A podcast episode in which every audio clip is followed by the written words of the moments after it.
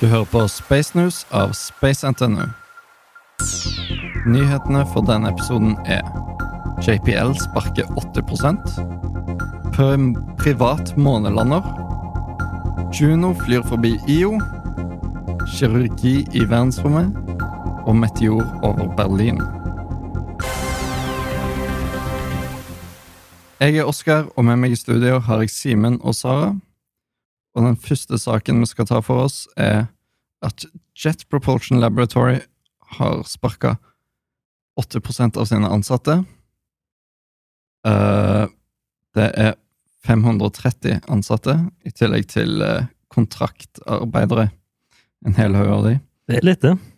Um, på grunn av eh, ja, et priskutt da, som de har fått fra NASA videre.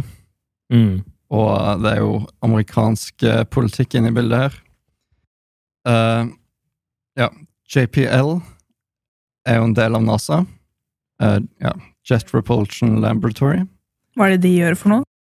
De har ansvaret for ganske nesten alt av sånn spacecrafts og sånt som ikke er uh, bemanna på noe vis.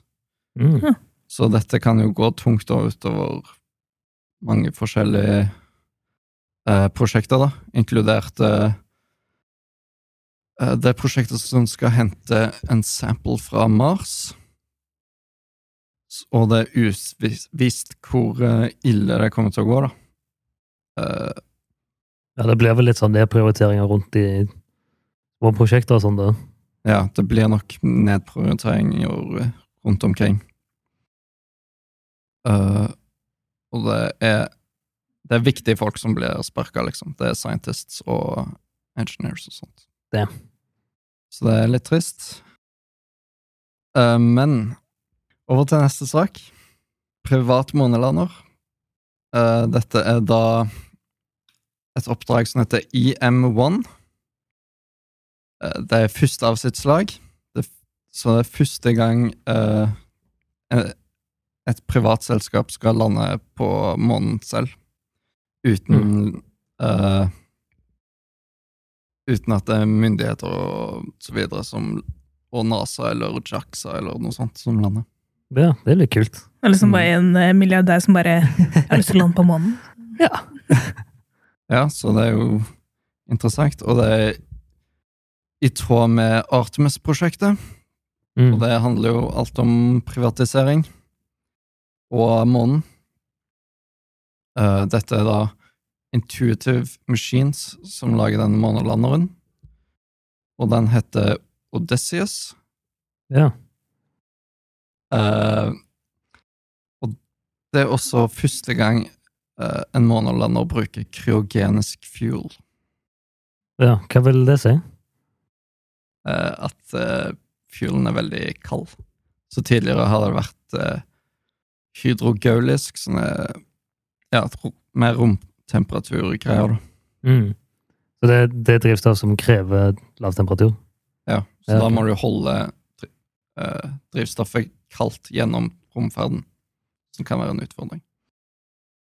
Uh, og den har jo ja, et par instrumenter og ting den skal deploye. Den har blant annet en liten rover og uh, ja, seks forskjellige instrumenter som skal utløses. Mm. Blant annet en eh, laserreflektor. Ja, det er jo sånn De har noen sånne på månen fra før av, men Ja. De trenger flere, altså. Denne er mer nøyaktig. Er det mer nøyaktig? Ja. ja. Og den skal lande i uh, krateret på Sydpolen av månen. Oh, ja. Eller i nærheten av Sydpolen. Mm. Så det er ja, for å kunne forberede seg til Artemis. da. Kult.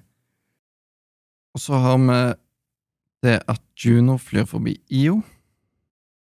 Hva de, hva de gjør der ute?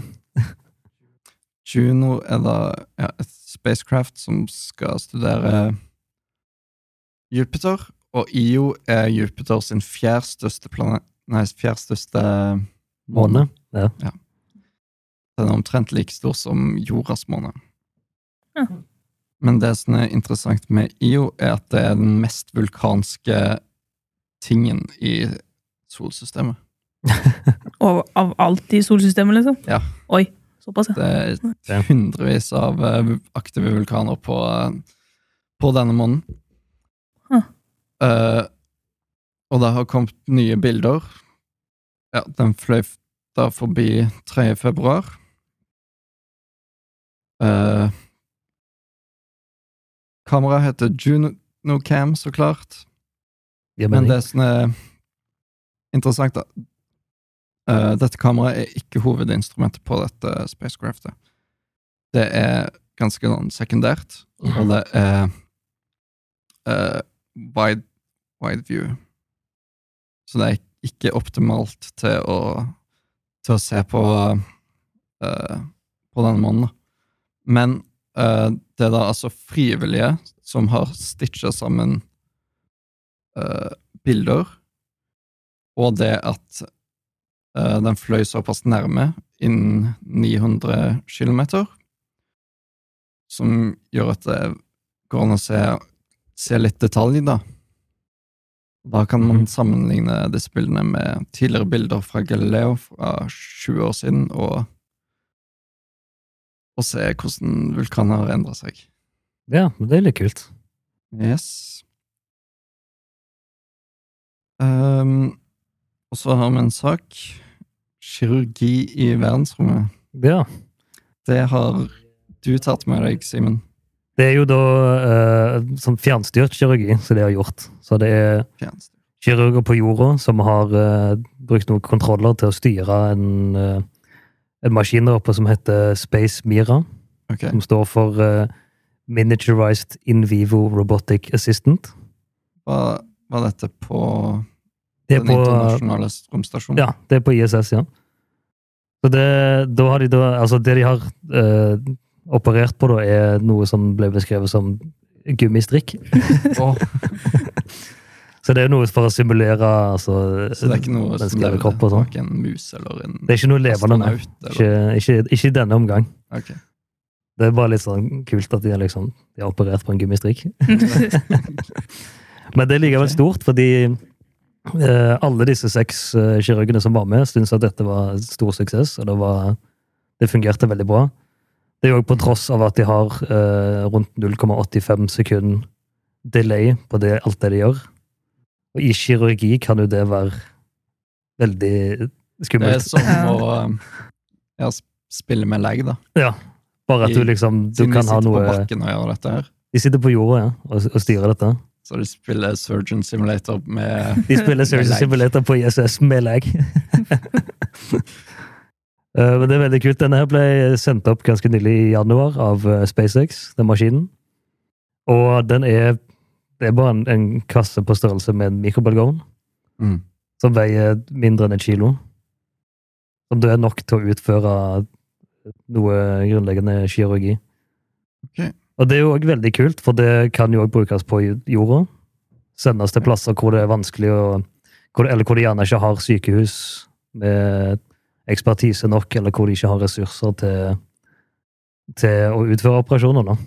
Ja, det jo, Så kan det gjøres remote. Det er jo en utmerket teknologi til det. Det, jo, det kan brukes i verdensrommet, det er jo veldig greit, for det er jo litt dyrt å sende leger opp der, eller kirurger, bare Mm. for å, å gjøre noe, eller få folk ned igjen, bare for, for å, å fikse dem. Eh, så det er et veldig kult prosjekt.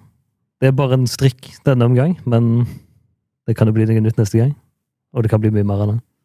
Så det er totalt en stor suksess, og ser frem til å få med, få med mer om dette. Veldig bra. Uh, vår siste sak er da at en meteor uh, fløy over Berlin. Ja, Der du satt deg inn i, Sara. det satte satt meg litt inn i, ja. Det var jo jo morsomt, det. Så ja. En, en meteor fløy rett over Berlin. Ja, det var jo?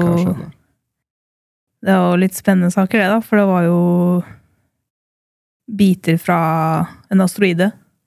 Som de antar har vært en del i en sånn gruppe med asteroider som har en ellipsebane. Som de kaller Apollo-gruppen, eller noe sånt. Mhm. Der okay. så har det kommet fragmenter da, fra den ene asteroiden som har eh, satt kurs mot jorda, da.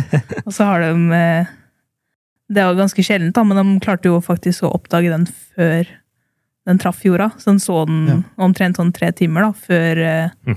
den traff jorda. Og da, det var litt sånn stas, da, for da rekker man jo å planlegge litt og gjøre litt forberedelser. da. Den var jo på vei mot eh, Tyskland, da. Det må være litt skummelt, da. Ja, det, det er også litt skummelt. da. Kikke opp der, så kommer det noe rett mot deg, liksom. Ja, så den var jo egentlig ganske svær, men når den kom inn i atmosfæren, da, så eksploderte den litt da, og Ja. ble delt opp i mindre biter. Så det, og så var vel håpet at det, ikke alt skulle brenne opp, på en måte. da, At det skulle treffe noe som skulle overleve da, og treffe bakken. Ja, de vil jo gjerne ha noe som de kan kikke litt på. Ja, så de klarte jo på å regne ut et omtrentlig område da, hvor de kunne ha truffet. Mm. Så Ja. de dro, var jo en gjeng med professorer og studenter og folk fra museet og sånn i Berlin da, som dro ut og dro på skattejakt for å finne det. Det er kult. Ja, og de endte jo opp med å finne noen biter, da. Men eh, det viste seg å være litt vanskelig, fordi Eller som regel så er jo meteorer Når de liksom går gjennom atmosfæren, så blir de jo svartbrent, på en måte. Men eh, de bitene de fant, de var jo så ut som granitt. Eller vanlig stein, da. Men hadde litt sånn spesiell sånn glassaktig overflate. Ja. Så dette var en sjelden ikke-metallisk eh, Ja. meteoritt. Ja, det var det som var litt gøy, da. Som fant jo etter hvert ut at det var en type Eller, eller en del av en gruppe som het- heter eh, aubrit, eller aubrit, eller Britt, litt ja. usikker på hvordan man uttaler det. Men eh, og det er jo veldig spesiell type stein, da. Så på en måte komponentene i den steinen som gjør at overflaten blir sånn glassaktig, da, og ikke sånn typisk meteoritt. Ja, men Ja. da kan de òg være sikre på at det faktisk er riktig stein de har funnet. At de ikke bare har funnet Ja. en tilfeldig Ja, det er det, stein ute i skogen. da. Ja, men det er jo Det skiller seg jo ut fra den vanlige steinen fordi Ja. den har den derre overflaten. Da. Ja.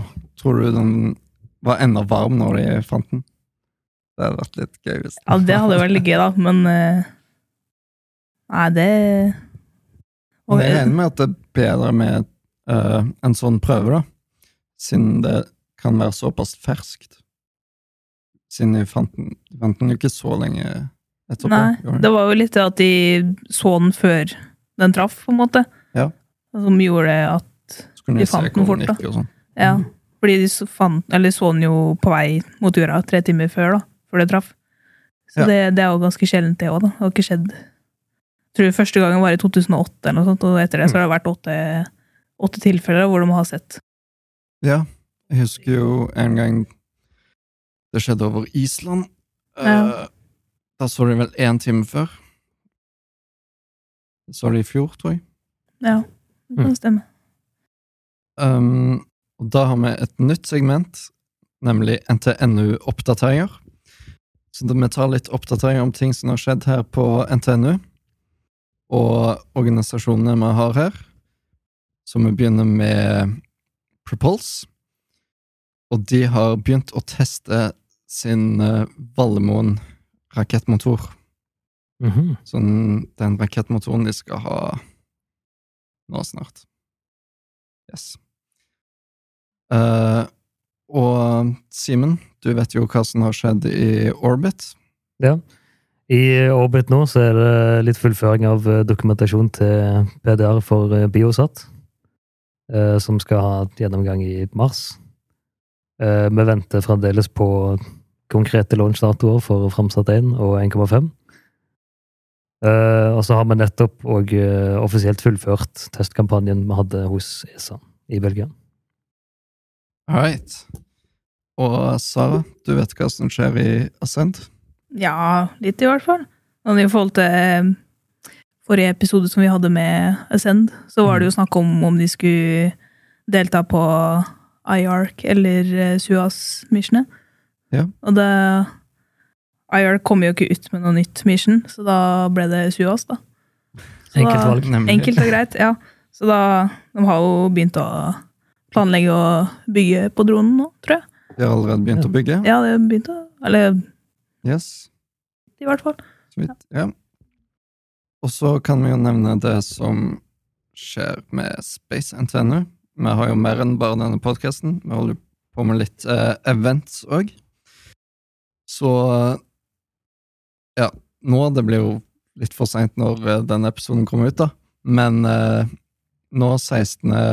februar, så har vi et event som heter Women in Space. Hvor vi har litt sånn foredrag og eh, opplegg rundt tematikken kvinner i verdensrommet.